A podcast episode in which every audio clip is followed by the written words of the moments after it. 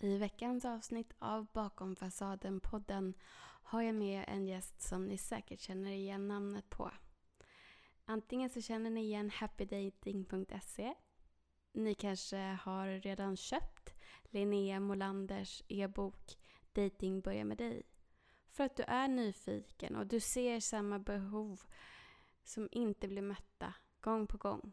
Om du ens har koll på dina behov. Du ser samma mönster. Du kanske känner dig inom citattecken superlyckad inom många områden i ditt liv. Men just det här med att skapa djupa relationer. Nej, jag vet inte. Du kanske inte känner att du riktigt får det till att funka där. Och det har ju väldigt mycket med det jag ofta återkommer till att göra. Anknytningsteorierna. Och man kan väl säga att det återkommer även i Linnea Molanders coaching.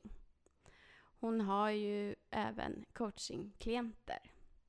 Linnea säger att ungefär fem sessioner med henne är precis vad som behövs. Eftersom det faktiskt inte är så himla svårt. Det är bara det att vi tänker utifrån vad vi har lärt oss. Och vi har inte lärt oss i hur man skapar djupa relationer. Utan vi bygger upp föreställningar om att det är väldigt läskigt att öppna upp oss. Vi vet inte ens hur man gör för att göra det på ett tryggt sätt. Och då blir det fel.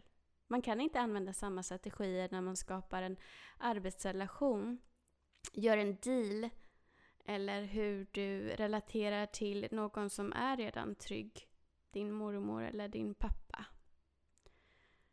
Därför behöver vi de här kunskaperna som Linnea förmedlar och inser när vi läser hennes böcker, vi går hennes kurser, tittar på den helt fantastiska Instagramkontot happydating.se hur mycket vi krånglar till det oss själva fast det egentligen inte alls är så svårt.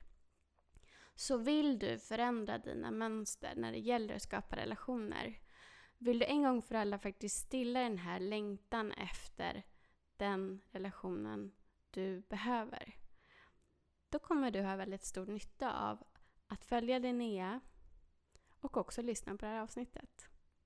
Avsnittet behandlar inte bara dating utan också hur vi bygger emotionell kontakt. Vilket du kan göra också om du känner att du skulle vilja ha fler emotionella kontakter när det gäller vänner, kollegor eller kanske göra dina relationer med familj och släkt ännu djupare och mer meningsfulla för dig själv. De strategierna funkar på alla typer. Vi kommer ju också snudda vid anknytningsteorin och konstiga saker som man möter när man dejtar på appar och dejtingsidor. Linnea är precis så härlig som man bara kan tro genom att titta på hennes videor och hennes hemsida. Så det var en sann ära att sitta och eh, prata med henne. Och det var många gånger som jag sa, åh herregud. För jag kom på också så många gånger, herregud, det är verkligen inte svårare än så här. Och jag hoppas att ni får samma reaktioner när ni lyssnar på veckans avsnitt. Och i slutet så kommer också en liten utmaning till er. Så håll i hatten, nu kör vi!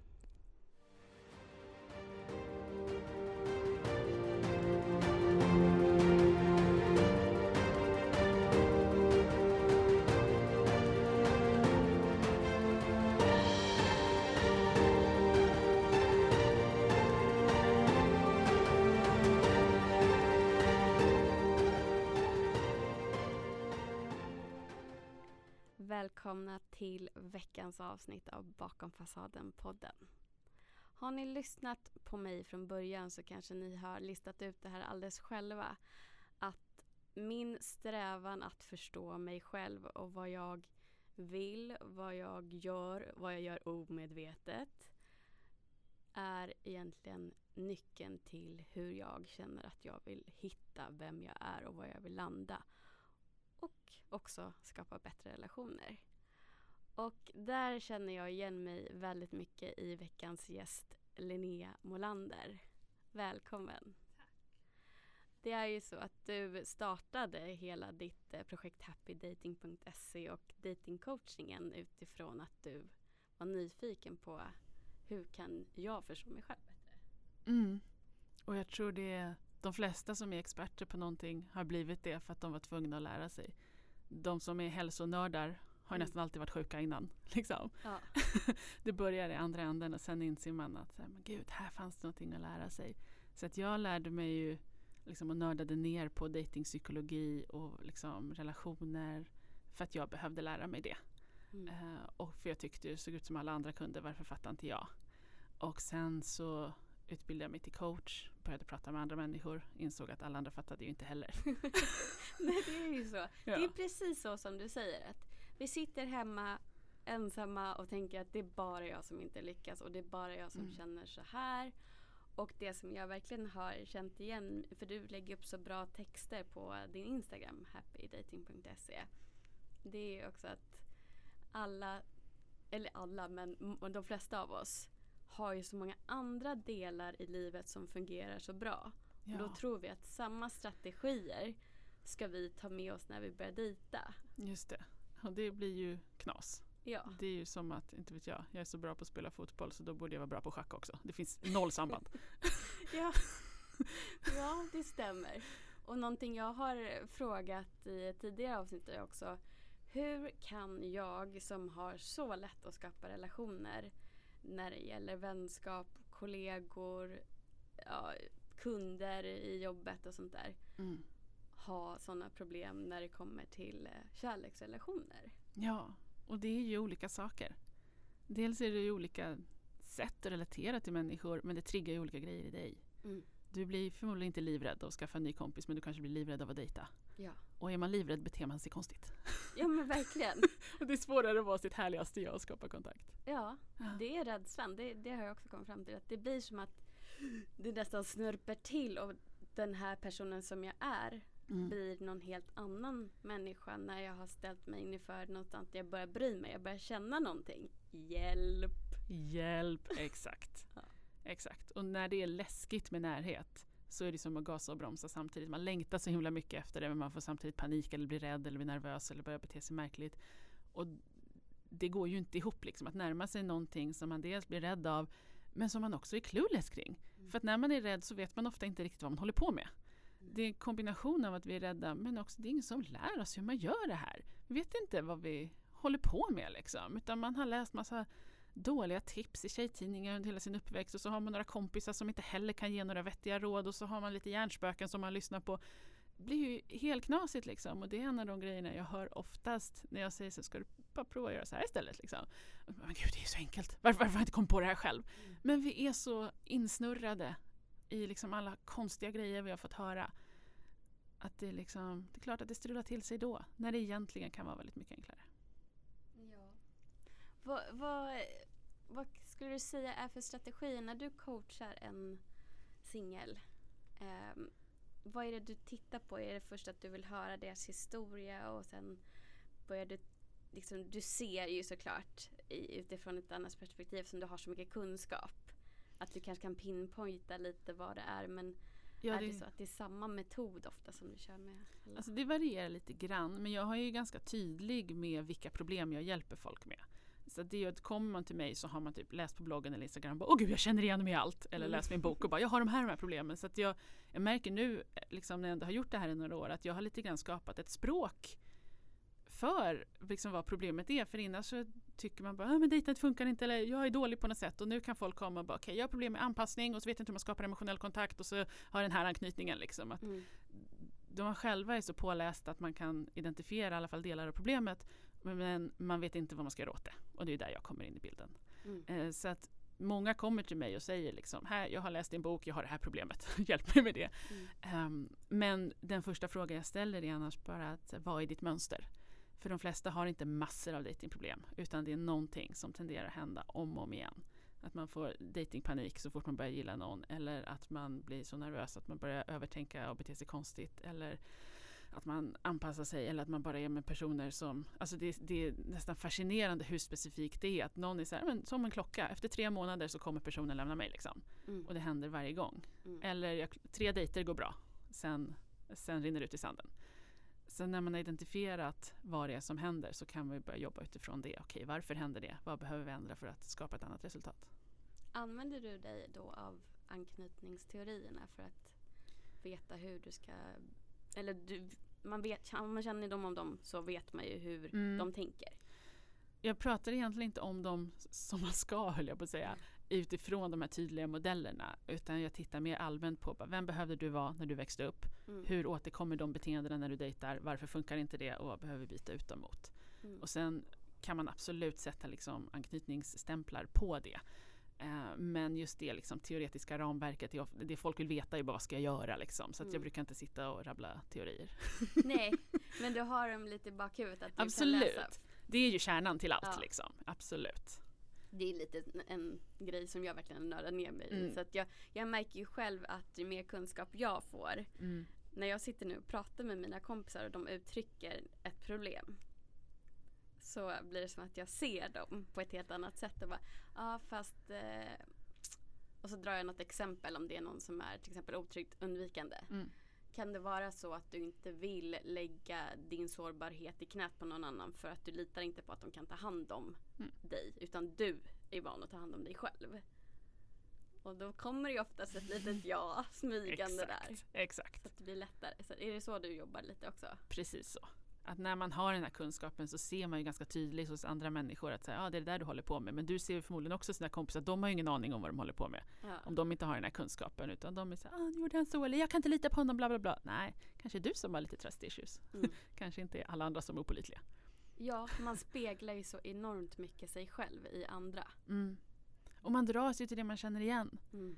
Om det enda du kan relatera till är otrygga relationer, om det är det enda du har erfarenhet av, så kommer du, hur skruvat det än är, vara ganska bekväm där. Det är i din bekvämlighetszon att det är dysfunktionellt på precis det sättet. Och jag ser det hela tiden. Det, det är utmanande, nästan komiskt, men ehm, när liksom någon bara, "Ah, jag dejtar bara sådana eller sådana personer och det blir aldrig bra, liksom, så coachar vi kring det och så börjar de dejta någon som faktiskt beter sig schysst, som Mm. de sa från början att de ville. Och det är så jobbigt! Åh, han ringde och gav mig en komplimang. Vad är det här för något? Vad är det här? Jag, liksom, det nästan blir upprörd, misstänksamt. Att så här, Ja. Jaha, det var en trevlig mot mig. Mm, vad vill han egentligen? Han har en dold agenda. Precis, man kan inte säga vad härligt att jag mött någon som beter sig schysst. Utan då är man så himla vilsen i bara den dynamiken att man måste lära om fullständigt. Jaha, så här folk beter sig som inte har en dold agenda? Så han menade vad han sa när han sa att han vill träffa mig på torsdag. Det var märkligt liksom. Ja. Det är läskigt. Ja, och framförallt är det ovant. Ja. Ja.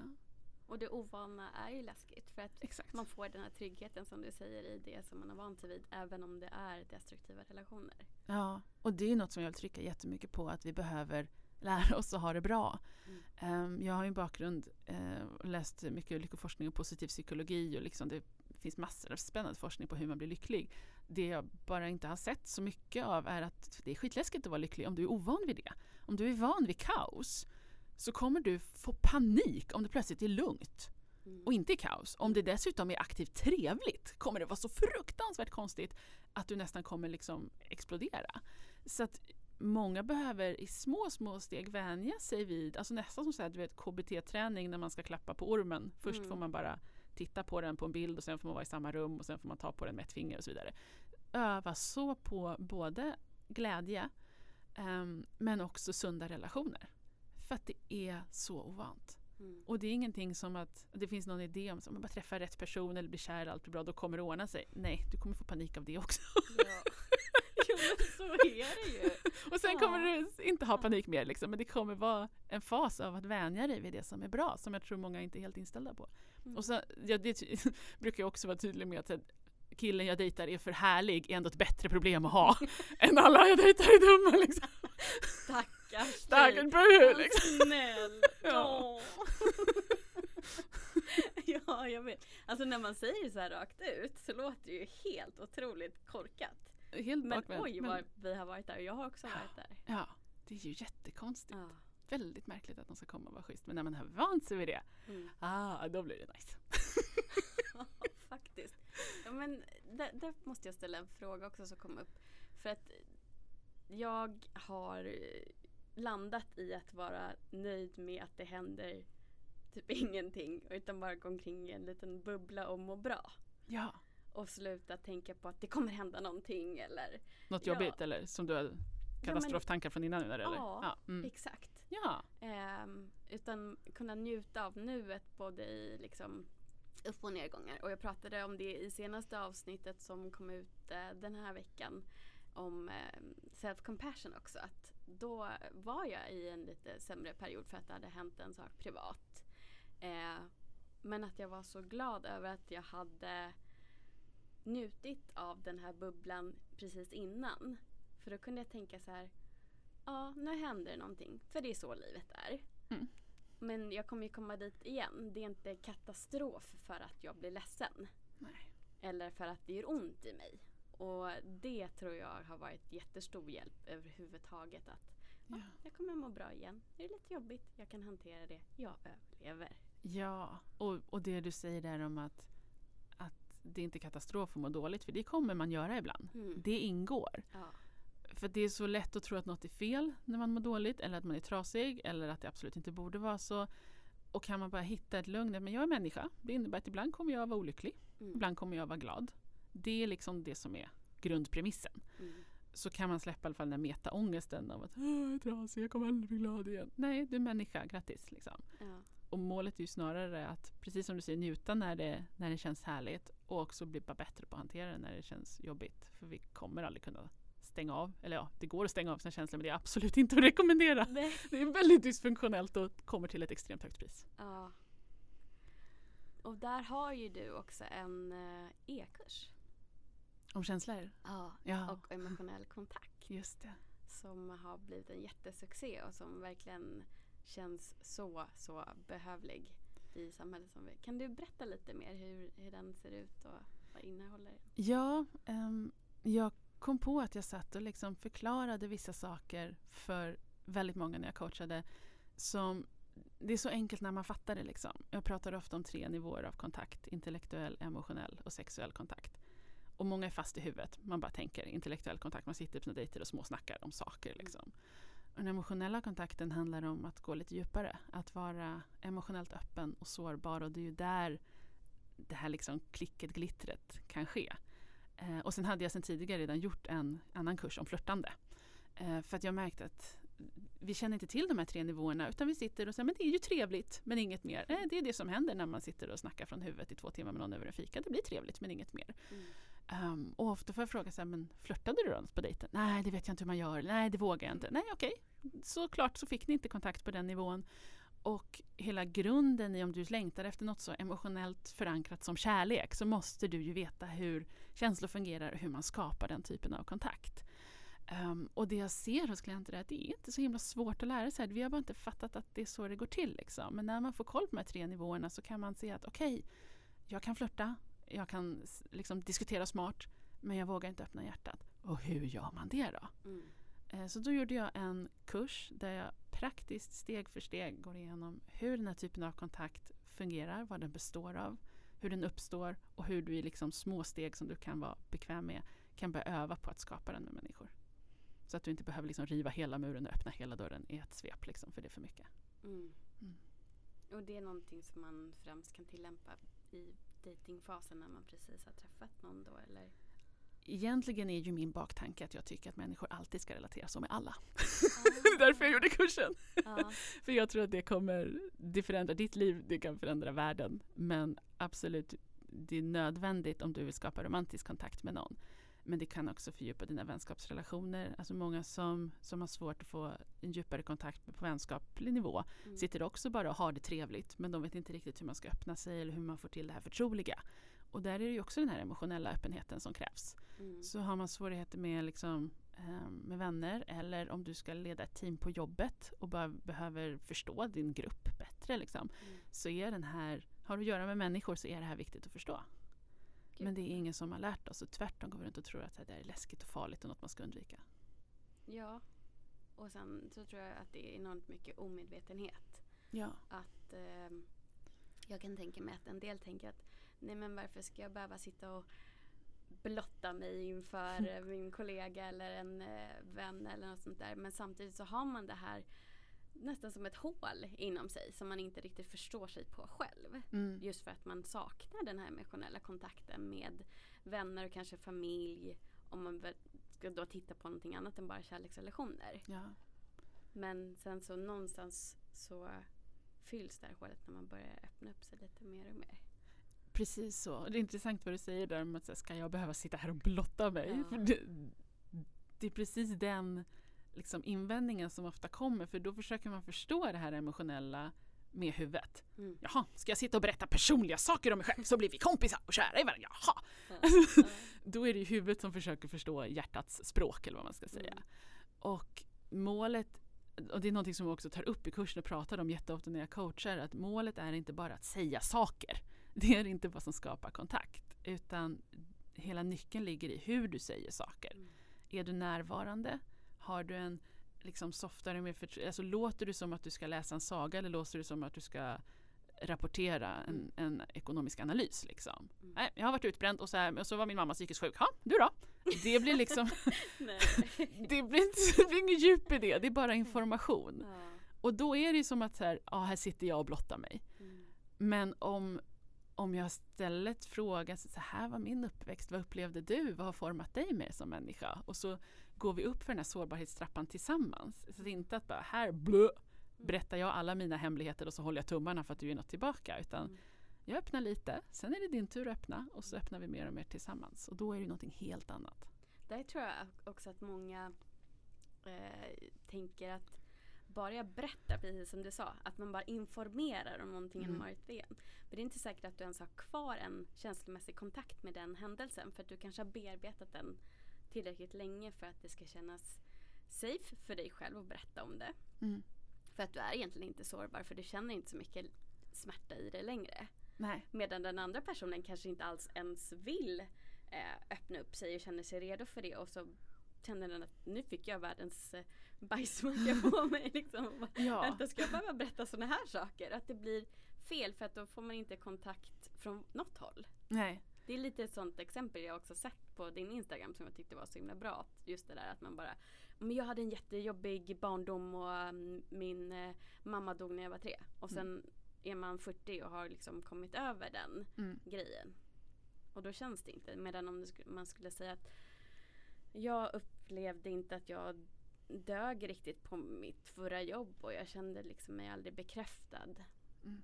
Det skulle vara någonting sårbart. Ja, och, och också förmågan att känna in. För för dig kanske, du kanske har kommit över att mamma dog när du var tre, men för någon annan som du sa kan det vara väldigt mycket att höra. Och om du inte känner in, vad är den här personen tillgänglig för? Hur mycket emotionell öppenhet har den här andra människan? Så kan du liksom anpassa din nivå till det.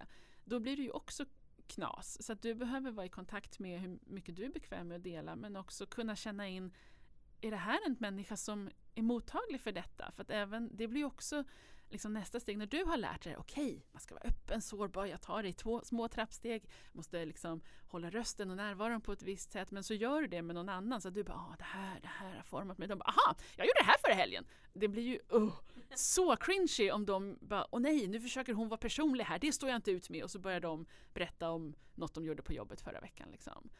Så att en av de absolut största fördelarna med att lära det här är att det blir superuppenbart vilka andra som också kan det.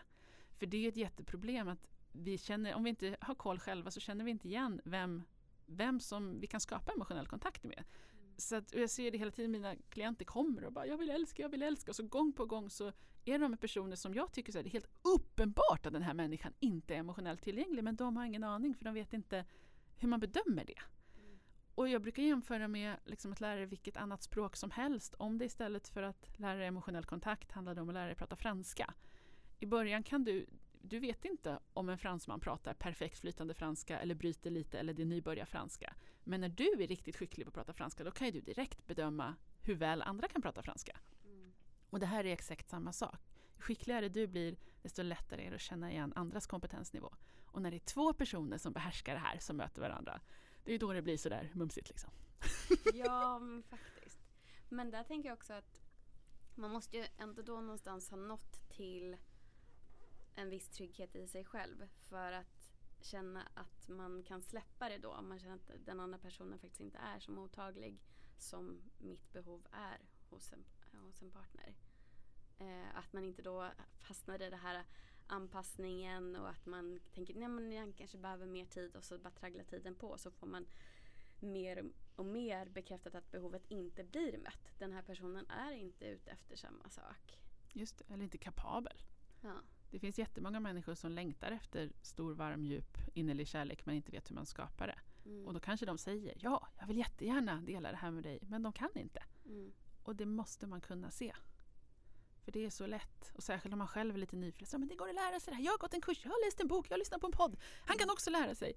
Ja, teoretiskt kan han det, men är han intresserad? Vill han det? Eller är det du som tycker att han borde läsa din favoritbok om personlig utveckling? Liksom? Alltså det blir ju, du kan inte kräva det av andra människor. Mm. Utan grattis till att du har förstått saker. Gå nu ut och hitta någon annan som också har förstått det. Och Mm. lär dig att liksom släppa taget om de som inte matchar.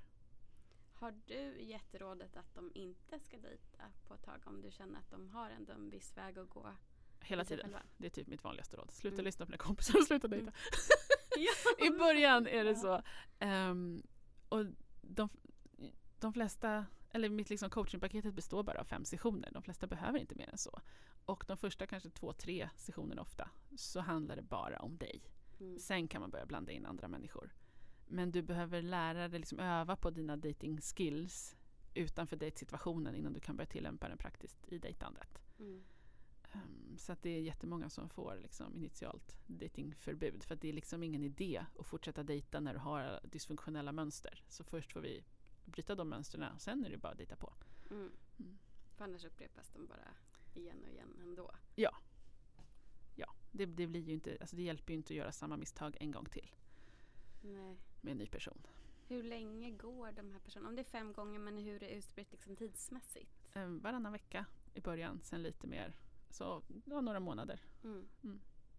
Börja varannan vecka och sen så när man kommer in i själva datingfasen så brukar det ofta krävas lite mer tid emellan för att man ska hinna dejta och så. Mm. Um, mm.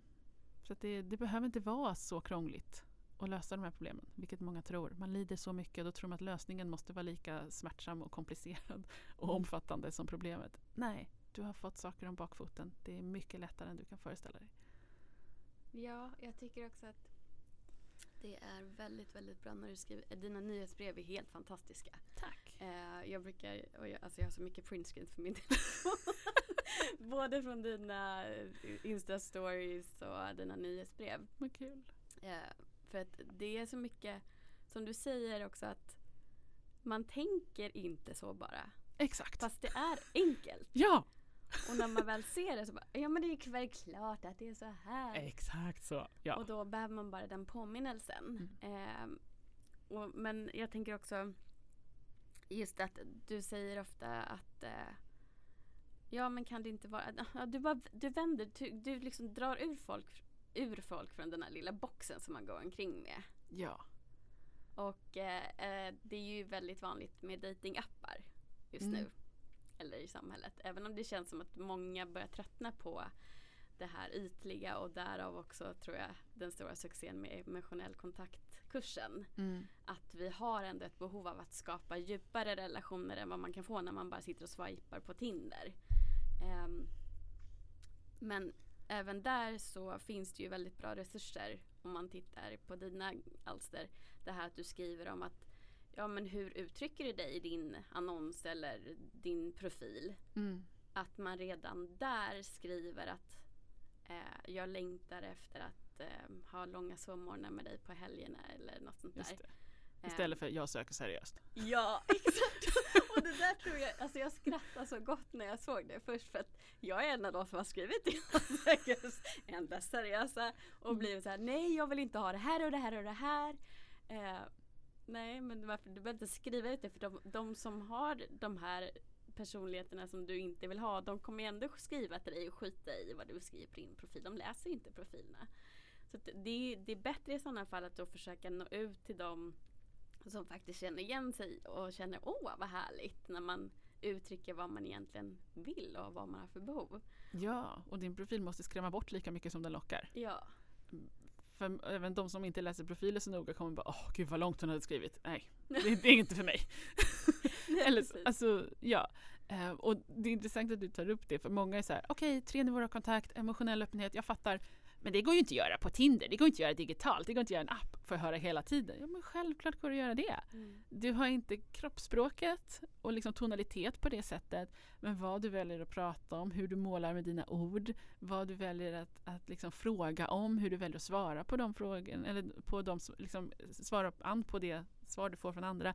Allt det sätter tonen helt på, liksom på helt nya sätt. Mm.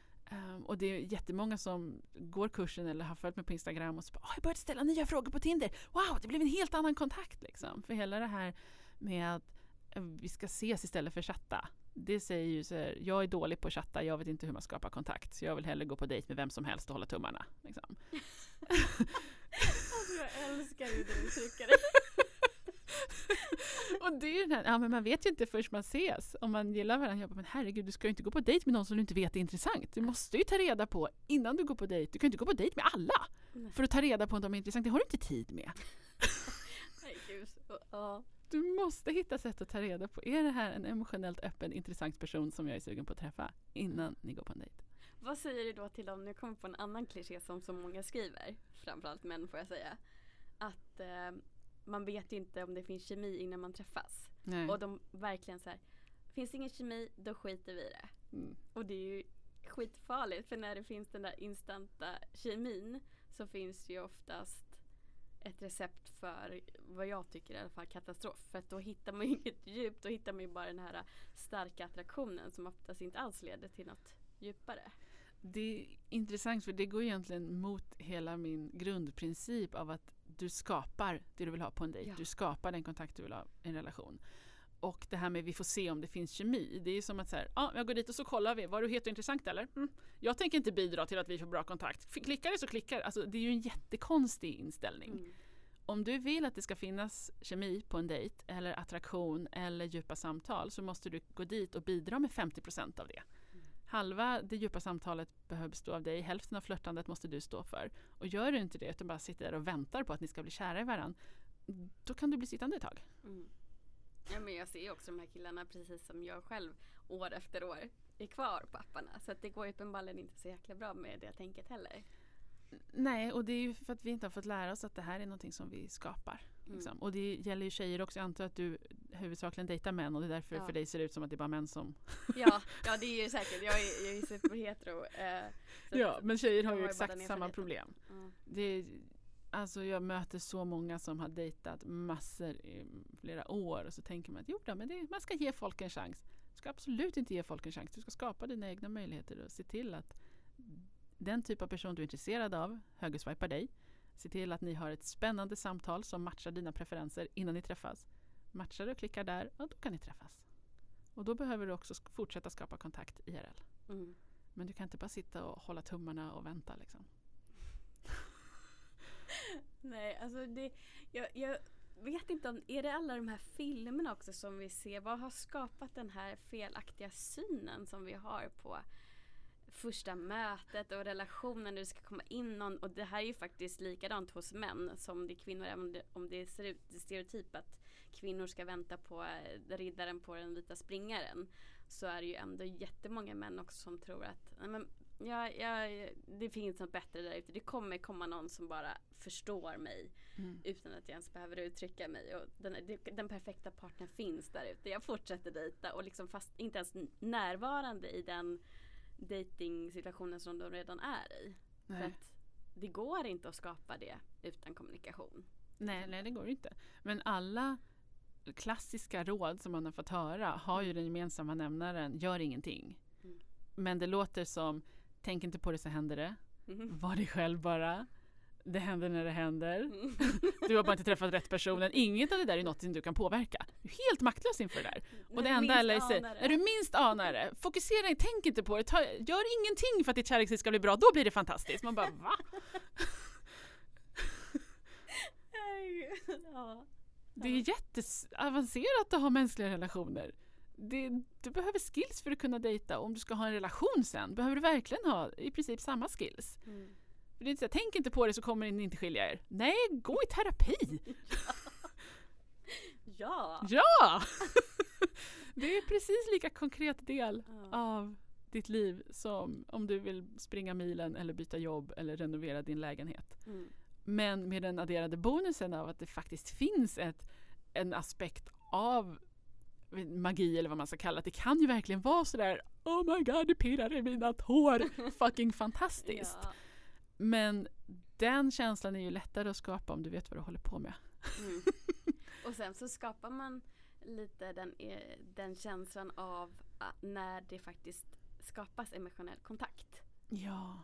Det är det som har gjort att jag bara nej nu, nu tänker inte jag hålla på men nu, nu har jag aldrig så kanske superdejtat för jag tycker att det har varit jättetråkigt och jättejobbigt att dejta.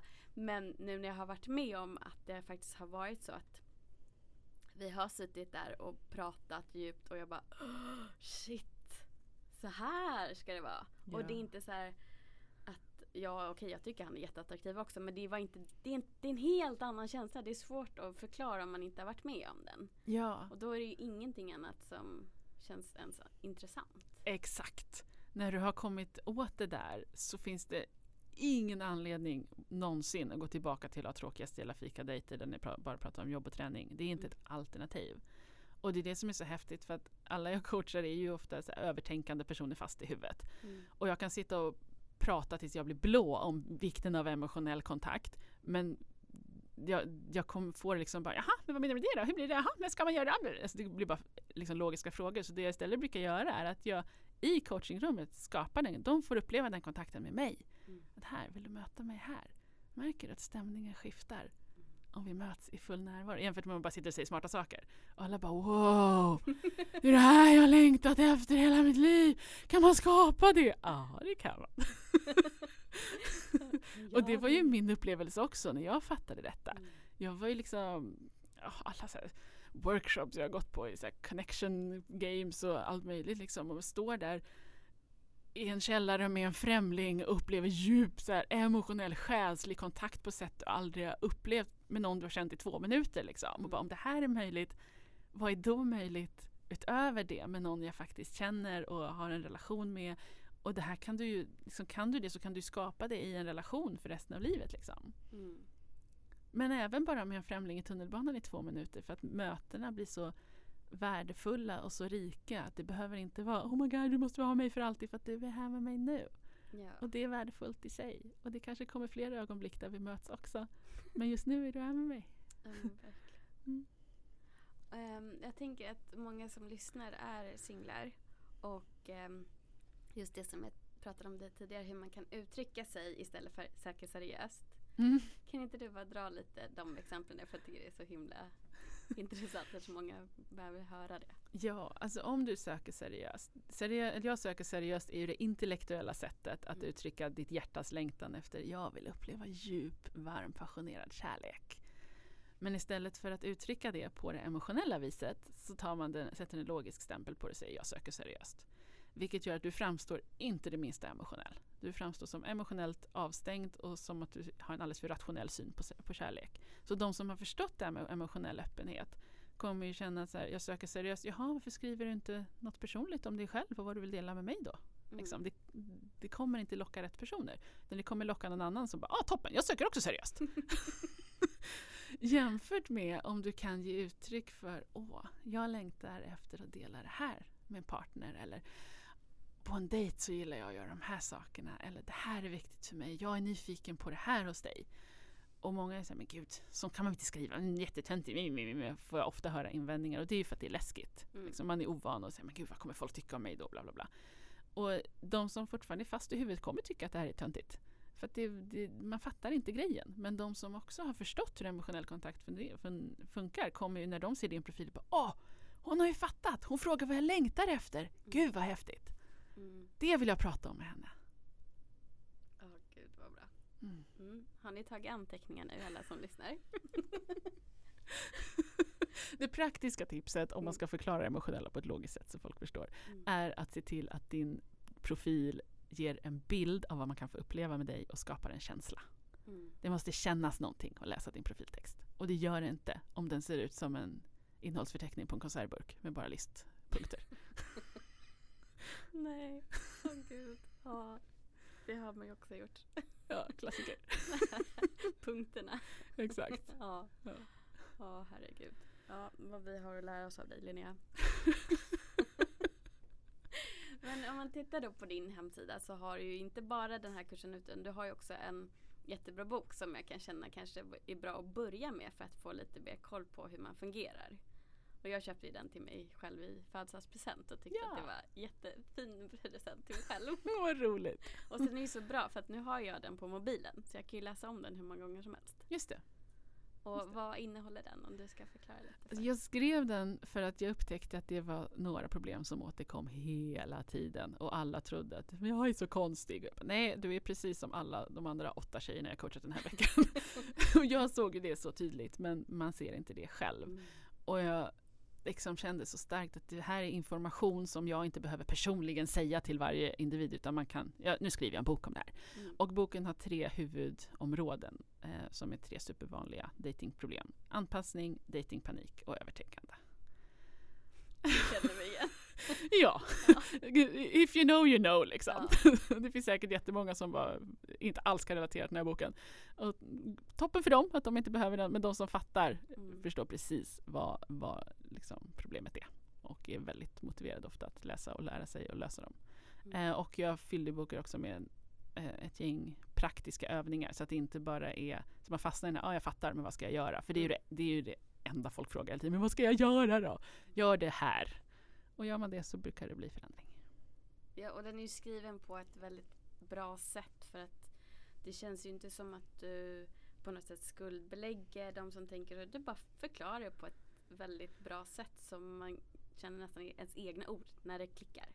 Ja, precis. Det var ju det som var tanken, att bara normalisera. Du är inte knäpp, du är inte konstig, det finns jättelogiska förklaringar till att du har det här problemet och så här löser de. Mm. Ja.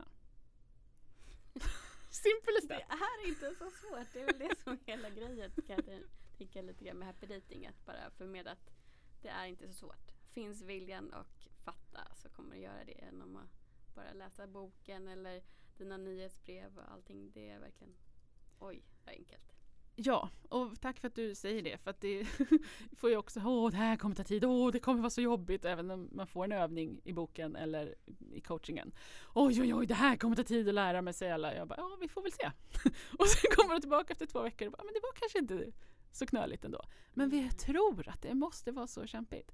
Och min liksom stora vision är ju att frigöra folk från de här problemen som man egentligen inte behöver ha. Det går ju åt enorma problem om du ska få liksom ett mentalt breakdown varje gång någon inte har svarat på ditt sms. Mm. Den energin, om du kan lägga den på att inte vet jag, skapa ditt drömliv eller förändra världen, ja, men det är jäkligt mycket rimligare tycker jag.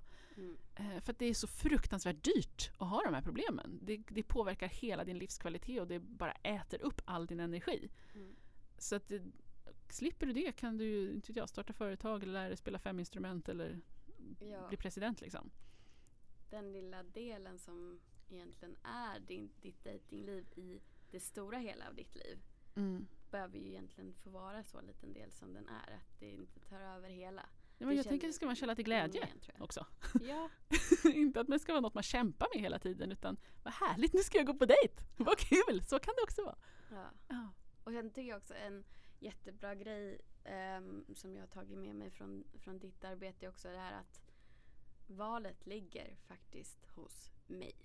Vill jag träffa den här personen för jag tycker att han verkar trevlig och härlig. Mm.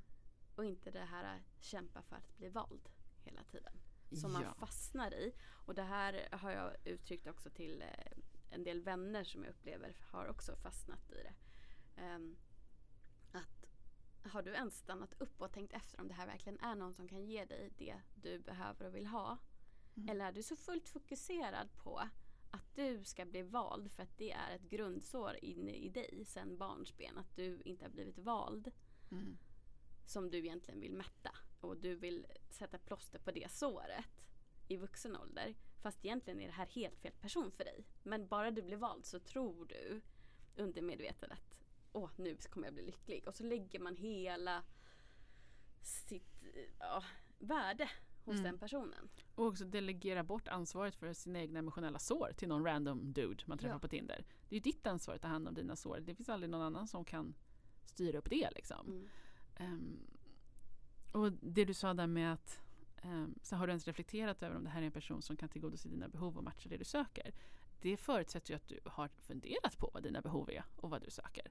Och där måste vi också backa några snäpp ofta i coachingen. För när jag frågar sig, vad, vad vill du dela för varför vill du vara ihop med någon? Vad ska, du, vad ska ni göra tillsammans? Uh, alla mina kompisar är gifta. Alltså så här, man ska! Nej, man måste absolut inte ha en partner. Nej. Alltså, och, och det är så häftigt att se när vi börjar liksom backa bandet lite och reflektera. Men vad längtar du efter? Hur vill du leva? Vad känns bra för dig? Vissa omvärderar ju helt och hållet vilken typ av personer de vill ha eller hur de ser på relationer. Andra kommer fram till att men jaha, men jaha, måste man inte vara ihop med? Nej men okej, om jag inte har datingproblem som saboterar hela tiden då kanske det är nice att vara singel. Kanske kul att dejta. Jag vill inte träffa någon nu, det här var ju skoj liksom. Ja. Så kan vi liksom lyfta det där, men det du beskriver, den där dragningen, du måste bli vald nu. Kan man bli fri från den så finns det så mycket att upptäcka Mm. bortom det. Mm. Det kan ju faktiskt också vara så att när man landar i det som jag har gjort så väljer man faktiskt sig själv Ja. först och känner att, som du säger, att nu är jag faktiskt lycklig i mig själv och jag har fattat att alla förväntningar som jag haft på mig själv kanske inte ens var mina förväntningar. Mm. Utan det är vad jag har trott att jag ska vilja ha för att det är så samhället ser ut och normerna och många som du säger runt omkring en kanske är gifta och har långa relationer. Och då tror man att det här är det jag vill ha. Det Mm. här är det jag behöver för att Det är det man ska bara. Ja, det är så. Ja, så är det. Ja. Och sen så när man kommer fram till att fast vänta, nu har jag börjat lära känna mig själv. Vad är det jag behöver för att vara lycklig? Mm. Och bara landa att ja, men just nu så känner jag att jag har allt jag behöver för att vara lycklig. Och sen så får vi se vad som händer imorgon. Det har jag ingen aning om. Men att man bara kan vara glad och nöjd i nuet och behöver inte ens tänka att ja, gud, men alltså, nu är jag 40, nu måste jag faktiskt gifta mig. Och om vi har de två versionerna av dig, tänk att Mm. möta dig oavsett som vän eller på en dejt. Det finns en lugn och bara chill Helena som är lycklig. Och så finns det hon som bara nu, nu måste det hända här. Det är inte så härligt att gå på dejt med henne Nej. liksom. Eller lyssna på henne som kompis som bara hispar. Kan du hitta det här lugnt, livet blir så otroligt mycket lättare. Och jag har så mycket åsikter om normer kring hur vi lever och barn och hur vi arbetar och liksom parnormen. Åh, kan man ta sig tid och reflektera så okej, jag måste ingenting. Jag måste inte välja det som andra har valt. Vad skulle passa mig? Vad längtar jag efter på riktigt? Bortsett från vad jag tycker att jag borde för nu är jag så här gammal. Mm. Vad skulle kännas nice för mig?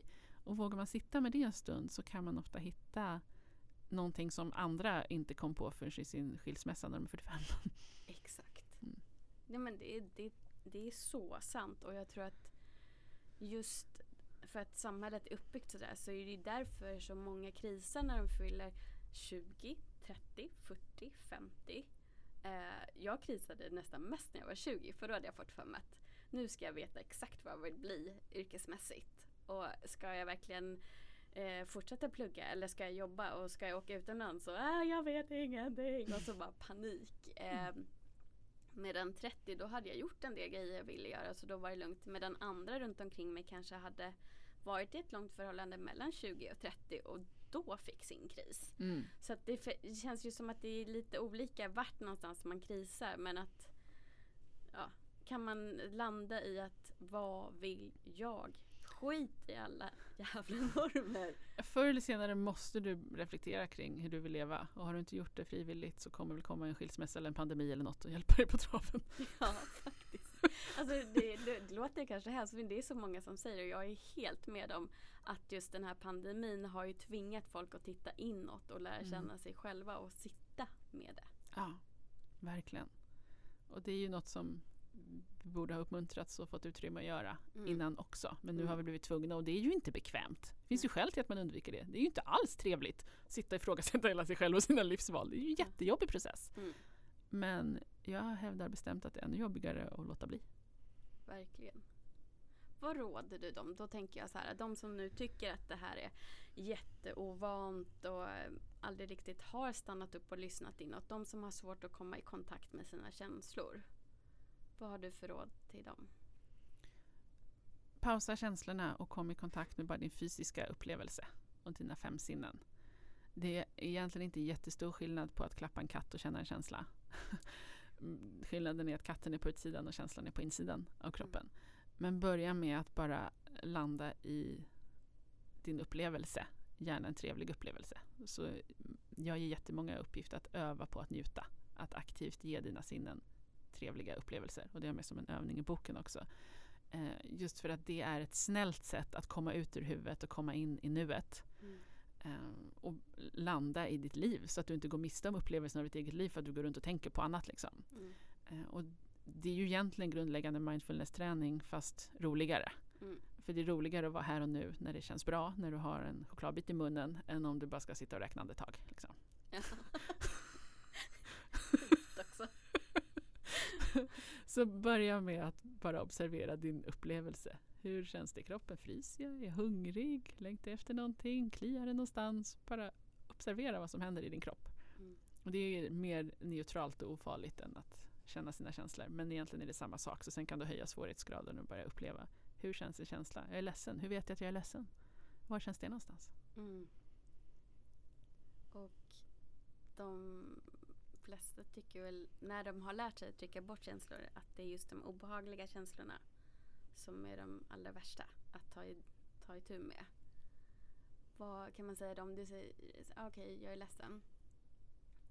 Hur råder du dem, de som då inte men, men varför ska jag sitta och känna efter? Det är mycket lättare om jag går och gör någonting annat och distraheras. För det gör vi hela tiden. Vi tar upp Mm. mobilen istället för Ja. att... Eller jobba Sitta lite extra eller Ja. ringa en kompis. Eller, ja. Då är ju frågan om det är lättare. Mm. För att känslan går ingenstans, du skjuter upp den lite men du måste leva ditt liv ständigt jagad av dina egna känslor. Det, det är hetsigt. Mm. Du kan aldrig sti- vila, du kan aldrig stanna upp liksom, för känslorna kommer komma ikapp dig. Om du upplever din känsla så kommer det ta ett par minuter av fysiskt obehag i kroppen och sen kommer känslor gå över. För känslor går över när man känner dem. De går inte över när vi knuffar undan dem. Då kommer de jaga dig för alltid. Känner du känslan går den över och det är den stora fördelen. Men vi vet ju inte om det. Återigen, här är en till sak vi har fått om bakfotet. Vi tror att om jag släpper fram den här känslan kommer jag aldrig sluta gråta. Och när jag lärde mig det här så var min liksom rädsla, det kändes som att här, när jag var utmanad att känna känslan som att jag skulle hoppa ner i ett bottenlöst hål och aldrig komma upp. Ehm, och det är klart jag inte ville göra det när folk bara “släpp taget, känn känslan”. Det är som de bara “här Linnea, hoppa ut för stupet”. Jag bara nej, nej, jag tror faktiskt inte det. Men det var ju inget stup, det var inget bottenlöst hål utan det var mer som att liksom kliva igenom en dimma och på andra sidan var det solsken. Men vi vet inte det om vi inte har provat. Har vi undvikit våra känslor hela vårt liv så tror vi att de är läskiga och farliga. Och att det är alldeles för jobbigt att ens gå i närheten av dem. Och får du verktyg för att möta dem på ett sunt sätt så kommer du inse att det är inte värre än att eh, inte vet jag, ha lite mensvärk ibland, eller lite huvudvärk. Mm. Och just att det går över så fort. Ja, Där har din bok li- verkligen hjälpt mig i... Jag kan ta upp ett specifikt fall. För att jag höll på att läsa den där eh, runt omkring min födelsedag. Och just där så eh, ja, bröt jag också med en person som jag dejtade. Och jag har ju sett mig som högkänslig, som en känsloperson som känner hö- högt och lågt och hela tiden. Men jag hade ingen koll på vad exakt det var jag kände Mm. som jag verkligen fick insikt om när jag läste boken. Att ja, jag vet att det är någonting som eh, rasar inom mig, men vad är det? Just det. Och då eh, kommer jag tänka på, ja men det här läste jag ju faktiskt i Linneas bok. Att jag ska känna efter, vad är det som händer i kroppen just nu? För jag gick bara omkring med det här stort tryck på bröstet och det kändes som en klump i halsen. Men jag var så här, är jag arg? Vad är det som händer? Och då började jag börja med att skriva ner. Okej, vad tror jag att jag upplever för känslor just nu? Om jag får använda mitt intellekt som ofta går först. Eh, ja, men jag tror att jag känner mig nog eh, misslyckad för att jag fick inte den här relationen att funka. Okej, men om det är så att du är är du lite arg på dig själv också. Att det liksom blev att jag skrev någon slags spiral. Och jag tyckte ändå inte att jag riktigt fick grepp om vad det var. För det släppte inte. Och då, så okej, vad skriver hon mer? Om jag ska känna efter i kroppen. Ah, vänta, det trycker över bröstet. Det känns i halsen. Vad brukar det tyda på för känsla? Det är nog sorg. Jag är ledsen! Mm, där. Jag är inte så arg eller liksom det här besviken på mig själv utan jag är ledsen. Ja. Och då kunde jag, för det här var precis på vägen hem från jobbet. Då gick jag hem och sen bara okej, sitt nu med den här känslan.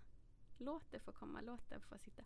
Och efter två minuter som jag hade gråtit så var det ju borta. Mm. Istället för att bara gå omkring dag efter dag med den här jobbiga känslan i kroppen och inte få utlopp för den. Ja, exakt. Så det är ett jättebra exempel på hur det hjälper också att börja tänka i de banorna som boken tar upp. Ja, och var nyfiken på din upplevelse för du beskriver ju perfekt att först gick hjärnan igång och bara jaha, det här är jag besviken, har det här hänt? Ja, då kanske jag är arg också. Så en analys kring känslan jämfört med att bara känna i kroppen. Okej, jag trycker över bröstet och ont i hal- eller klump i halsen. Och egentligen så är det så här eh, extra nivå på att sätta ord på känslan. Du behövde egentligen inte veta att du var ledsen. Du behövde bara känna det i kroppen. Förmodligen hade du börjat gråta. Och det kan liksom, man kan absolut fundera på vad, vad, vad är det här för känsla, sätta ord på det och börja liksom kartlägga sitt emotionella landskap. Men även om du inte vet vilken känsla det är så kan du fortfarande känna den i kroppen och uppleva den och bli Mm. fri från den oavsett vad den heter. Liksom. Ja. Men det är ett perfekt exempel det du beskriver på att man vill här, förstå sin känsla jämfört med att bara, men känn det bara och sen kan du gå vidare. Ja. För intellektet kopplar in alldeles för många gånger för fort, upplever jag. Ja, Istället för att bara sitta och försöka, okej, bara vad är det för känsla? Och det är som du sa också, lite så här mindfulness-känsla eller Mm. övning. Att Mm. man sitter och bara eh, stänger av intellektet ett tag och känner efter. Du känner det där trycket över bröstet. Det är inte Mm. farligt, det är okej. Du, kan, Ja. du kan stå ut med att ha tryck över bröstet i två minuter. Ja. För det, när jag liksom, innan jag lärde mig att känna känslan i kroppen så det jag höll på med egentligen var att gå runt och rationalisera. Ja. Om jag bara kan hitta ett argument för varför han var dum så slipper jag vara ledsen. Liksom. det funkar ju inte. Nej. Och det är ett himla sjå med det där att försöka komma ihåg rätt argument för att här, skruva om situationer och minnen och hitta på, ja ah, men då kanske det var så här, mm, mm, ja, men då hade jag minst rätt och då är det inte mitt fel. Istället för, nej, det jag gjorde något som inte kändes bra där, jag skäms lite över det, jag behöver nog be någon om ursäkt. Liksom, Mm. Istället för, nej, det var inte mitt fel. Alltså, jag har haft så fullt sjå med att argumentera bort mina egna känslor. Och jag, ja, jag tycker verkligen att det är betydligt jobbigare än att bara känna hur det känns i kroppen Ja. och låta det vara så. Det är så jobbigt att bråka med sina egna känslor, bråka med det som är. De här inre krigen som man har helt i onödan kan jag känna nu när jag vet hur jag kan hantera på ett annat sätt. Mm. Mm. Och det är ju ofta där det här övertänkandet kommer ifrån. Det är Mm. någonting vi inte vill känna så vi övertänker istället. Blir beroende av att hitta på fantasier i huvudet.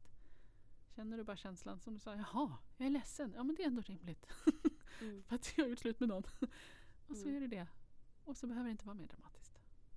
Ja, faktiskt. Och sen, ehm, jag hade en konversation eh, tidigare idag när det var någon som förklarade lite grann om hur den här personen har fungerat tidigare och nu så hade den här personen gått i terapi och fått vissa verktyg och sådär och, och liksom berättade någonting öppet och sårbart. Och jag tyckte det var jättefint och jag liksom reflekterade inte um, alls på något sätt att det var något konstigt. Men sen så fick, kom den här lilla till, eh, tillägget till vad den personen skrev till mig.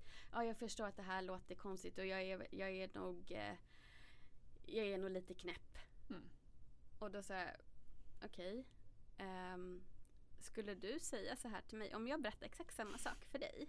Skulle du säga, ja men hon är nog lite knäpp och lite trasig eller vad det nu var. Nej, nej det har jag ju rätt i. Men varför skriver du det om dig själv då? För jag har inte ens hunnit säga vad jag reflekterar över och vad jag känner när du berättar. Så du sätter ju lite orden i min mun. Samtidigt som att du dömer dig själv mycket hårdare än vad du hade dömt mig. Varför gör du det? Och antar att du också kommer döma. Ja, och du, Mm. ja precis. Mm. Så det var lite intressant bara att, liksom ge tillbaka kakan. Nu vänta, stopp, vad gör du här och varför? Just det. Att man börjar tänka lite ett steg till. Ja, ja verkligen.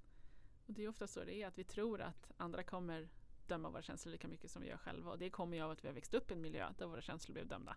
Mm. Man har inte fått Alltså i, I den bästa världen så växer man ju upp med vuxna som säger Åh, hur känns det? Berätta. Vad, vad upplever du? Är du ledsen? Vad känns det i kroppen? Känn det liksom. Mm. Men om man istället fick någon som säger äh, skärp dig, du ska inte vara ledsen. Då är det bara det vi fortsätter med själva och så tror vi att andra också kommer säga skärp dig varje gång vi uttrycker en känsla. Mm. Och det sitter djupt. Det gör det. Men sen om man liksom börjar bete sig annorlunda, börjar umgås med andra som också har en acceptans kring känslor Mm. så kommer de istället säga tack för att du vill dela med mig. Ja. Och gud, ja men det där tyckte jag var så himla häftigt. Första gången jag uttryckte mig sårbart och bara förväntade mig så mycket skit tillbaka och sen så Va? Han, han, han bara tyckte att det var fint. han förstod mig. Ja. Åh, jag kan nog våga göra det en gång till. Ja. Alltså det var så himla häftigt. Mm. Mm. Och då vågar man ju lite igen och igen. Precis, och du kan också se skillnad på andra människors respons. För att om någon reagerar dåligt innan så har man ju tänkt att nej, jag borde inte visa mer. Mm. Och efter en sån händelse så blir det jaha, du är en sån person som inte respekterar mina känslor. Vad synd, Mm. då kan inte vi umgås. Ja. Jag skulle hellre vilja umgås med människor som förstår och Mm. lyssnar. Att då lägger du det på den andra personen istället för på dig själv. Mm. Och det skiftar ju också helt och hållet hur, vem du umgås med. Ja. Men då kan man också välja lite bättre vilka man omger sig med. Precis. Så en negativ respons säger någonting om dem istället för om dig. Ja. Och ja, det är lite samma som när man väl har upplevt den där kontakten vi pratade om innan så finns det ju ingen anledning till att någonsin gå tillbaka till något annat. Och samma sak här. Jaha, finns det människor som respekterar mina känslor och vill höra? Jag tror jag föredrar att hänga med dem. Ja, Ja. faktiskt. Kommer det någonsin män till dig för coaching? Mm. Lite då och då. Upplever du att det är samma tänk där eller hur kan det skilja sig?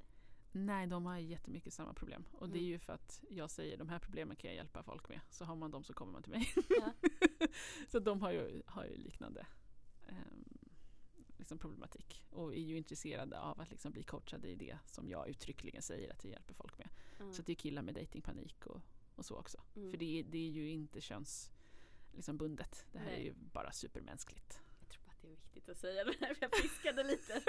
För jag tror många behöver få höra det att vi det, det är inte alltid ett vi och ett dom. Utan vi är människor allihopa och vi Mm. har väldigt mycket samma tankar och känslor fast vi kanske bara är olika bra på att uttrycka dem.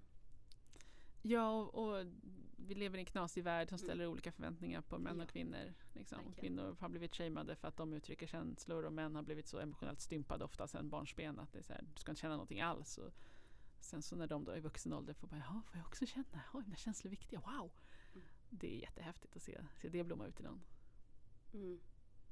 Ja, verkligen. Det kan jag tänka mig. Ja, du behövs verkligen.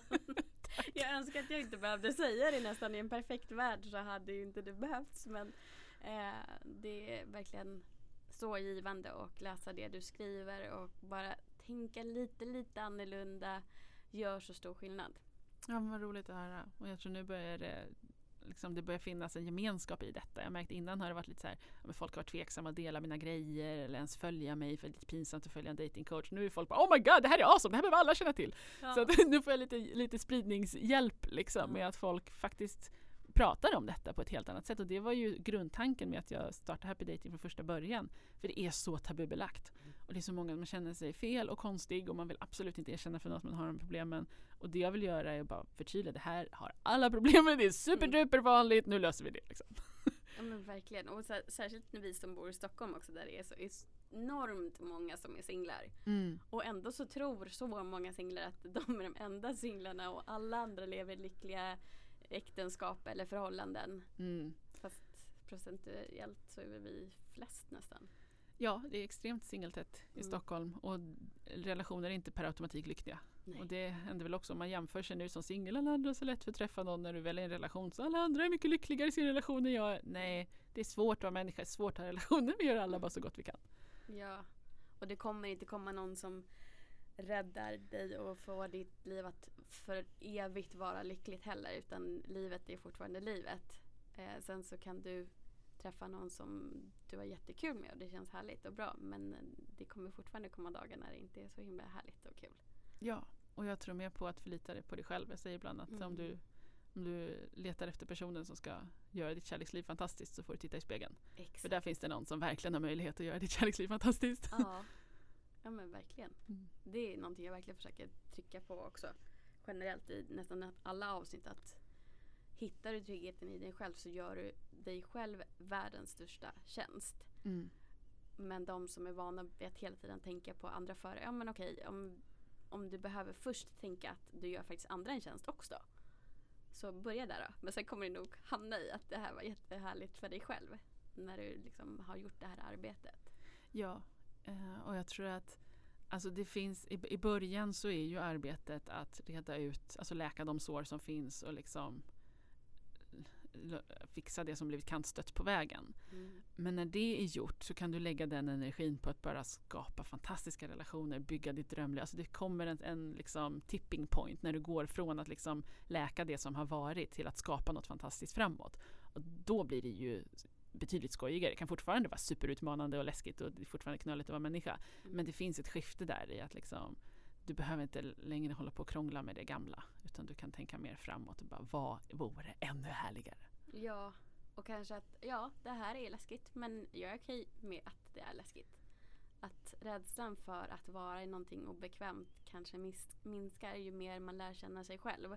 Och också ju mer man förstår att det är du och miljarders andra som sitter i samma båt. Ja. så det är inte så himla konstigt. Och då, ja, men titta, du kanske pratar med någon annan som du aldrig har pratat på ett emotionellt plan med. Mm. Och så märker jag att nej, men, ni har exakt samma problem. Ja, titta kompis. Exakt, exakt. varandra. Då blir det en källa till kontakt istället för skam. Mm. Har vi vänt helt på båten. Liksom. Ja, herregud. Kolla på happydating.se både på hemsidan och prenumerera på nyhetsbrevet. Läs Insta-stories, de är guld. Och du sparar dem. Så att Ja. även om man missar dem så kan man gå in där på din Highlights. första sida. Mm. Och, så kanske inte behöver göra som jag, att ni har 51 bilder som printscreens. det tar upp ganska mycket utrymme Det finns kvar på kontot. Men det känns som att jag behöver göra det just där och då för att liksom bevara. Man kan göra så också. Ehm, jag tänker om vi ska avsluta med just tre tips till de som fastnade för det här emotionell kontakt. Mm. Om de känner att det här är någonting för mig och köper kursen. Men utöver kursen då, vad skulle du ge för tre råd? Du behöver börja med att skapa emotionell kontakt med dig själv. Precis så som du beskrev. Att du är nyfiken på dina egna känslor. Vad känner jag? Vad upplever jag i min kropp? Hur vet jag att jag känner någonting just nu? Så det börjar med dig. Du behöver vara nyfiken på dina egna känslor. När du har börjat utforska din egen inre emotionella värld är nästa steg att börja dela den med andra människor och berätta för någon, så här känns det att vara jag idag. och tredje steget är att fråga, vad känner du idag? vad, vad upplever du? Och när ni kan connecta på den nivån och börja dela era inre världar med varandra, då kan emotionell kontakt uppstå. Men du har inte en chans att göra det om du inte vet vad som händer i dig. Mm. Eller inte vågar vara nyfiken på andra. Åh gud, verkligen så, så sant. Börja med dig själv och sen börja öva. Våga kasta dig lite ut även om du känner så. Det är verkligen så en stor belöning. Ja, För det, jag tror att det, det är bara det här, det precis att man ska lära sig cykla. Det är lite läskigt första gångerna och det är lite vingligt men sen när du får det rätta gensvaret så är det sån jäkla magisk känsla. det mesta som är värt något kräver Mm. lite ansträngning. Ja. Att det är så komiskt att det, folk säger att det är svårt och läskigt och då är de så här, de är supervältränade, så här, går på gym fem dagar i veckan, skitjobbigt. Mm. De har läst eh, så här, åtta år på högskola, skitjobbigt. De har jätteavancerade karriärer. De säger aldrig någonsin problem med att något är jobbigt annars. Men känner känslan, oj nej. Mm. Anta Ja. den utmaningen, det kommer vara värt det. Ja. Så den, den utmaningen får ni nu alla som lyssnar. Anta den. Känner en känsla. Ja. Och hör jättegärna av er till eh, antingen Linnea eller mig om ni antar den här utmaningen och berätta hur det Mm. gick. Precis. Ja. Jätte, jättetack för att du kom och medverkade i Bakom fasaden-podden idag. Det var Tack. jättehärligt. Tack. Och eh, som vanligt till alla er som lyssnar. Är det någonting ni undrar över så är det Bakom fasaden-podden på Instagram som ni kommer lättast i kontakt med mig på. Och fortsätt ha en härlig sommar och som vanligt också ta hand om er. Hejdå!